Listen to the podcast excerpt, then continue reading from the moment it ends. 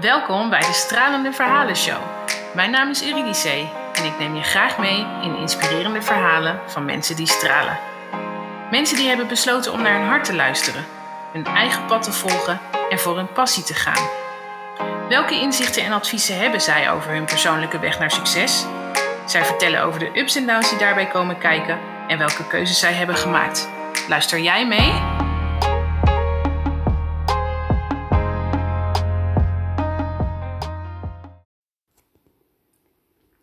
Yes, welkom weer. Ik wil het vandaag met jullie hebben over elke dag. Elke dag als je opstaat. Dankbaar moment. Tenminste, ik, ben, ik heb dan een dankbaar moment dat ik, uh, dat ik weer op ben gestaan en dat ik weer een uh, nieuwe dag voor me heb. En vaak zitten we zo erg vast in 9 to 5 en van maandag tot en met vrijdag. Zeker als je um, ja, vaste werktijden hebt of um, bijvoorbeeld kinderen die naar school moeten, dan uh, is er natuurlijk in de ochtend ook niet echt heel veel ruimte om uh, andere spannende dingen te doen.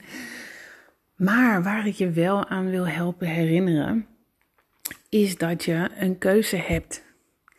Elke dag heb jij een keuze om het anders te doen. Elke dag heb jij een keuze om dingen te verbeteren die je niet fijn vindt in je leven, die je niet prettig vindt lopen, waarvan je denkt van dat moet anders.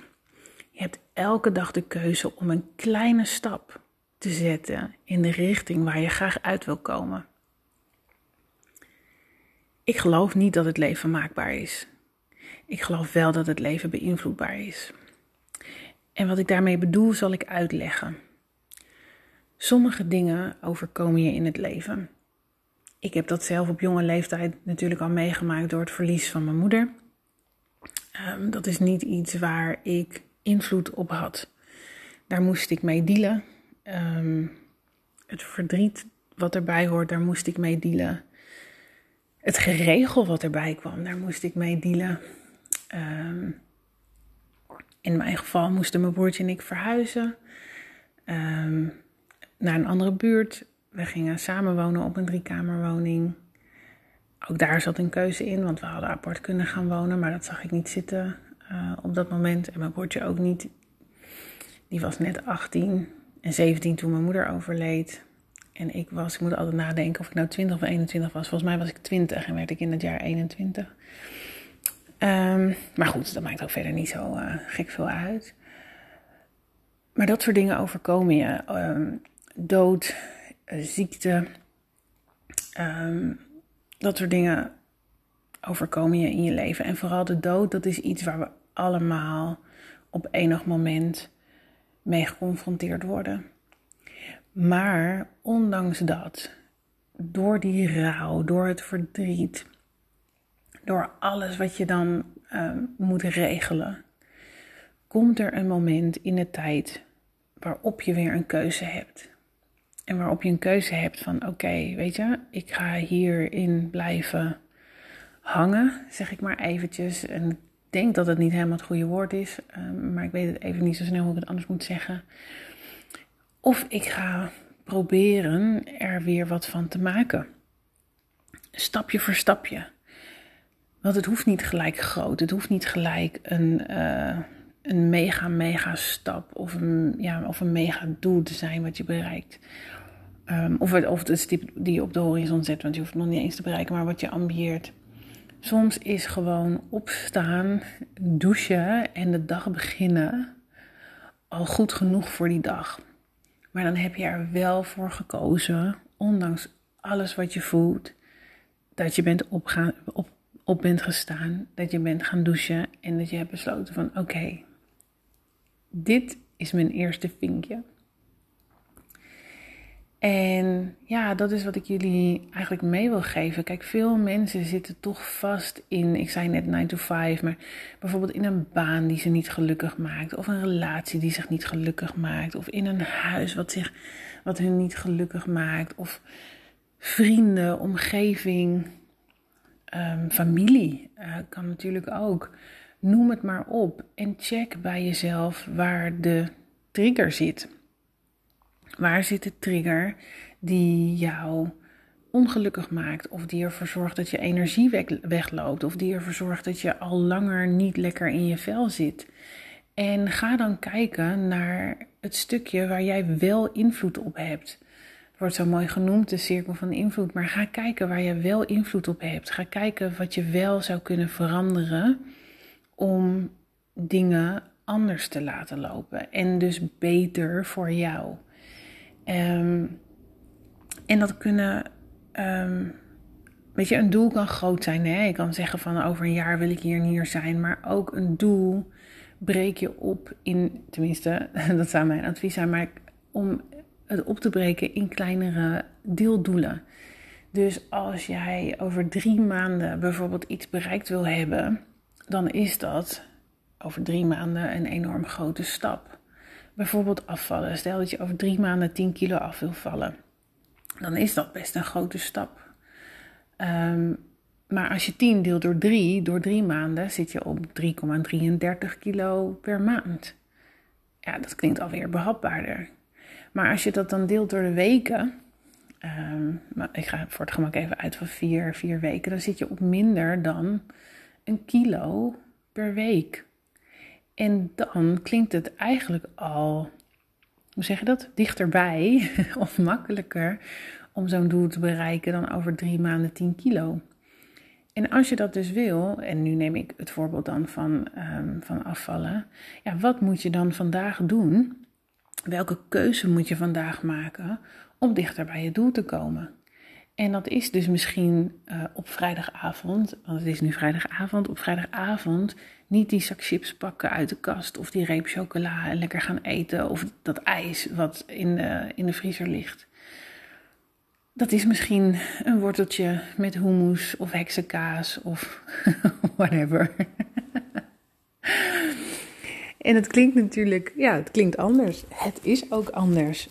Alleen als je dingen wil bereiken of als je dingen wil veranderen, dan, dan heb je een keuze te maken. Dan heb je een keuze te maken van hé, hey, ga ik ervoor of ga ik er niet voor? En ga ik er elke dag een klein beetje voor en doe ik wat ik uh, kan. En uh, maak ik elke dag een nieuwe kleine stap. En weet je, dat kan natuurlijk met kleine doelen, maar het kan natuurlijk ook met grote doelen. Weet je, het leven, het leven, ja, het leven is ons gegeven, maar we weten niet hoe lang we hier hebben op deze aardbol. En vandaag werd ik toch uh, geconfronteerd met een ongeluk in mijn familie um, die, me, die me raakt, sowieso, die me verdriet, uh, verdriet doet.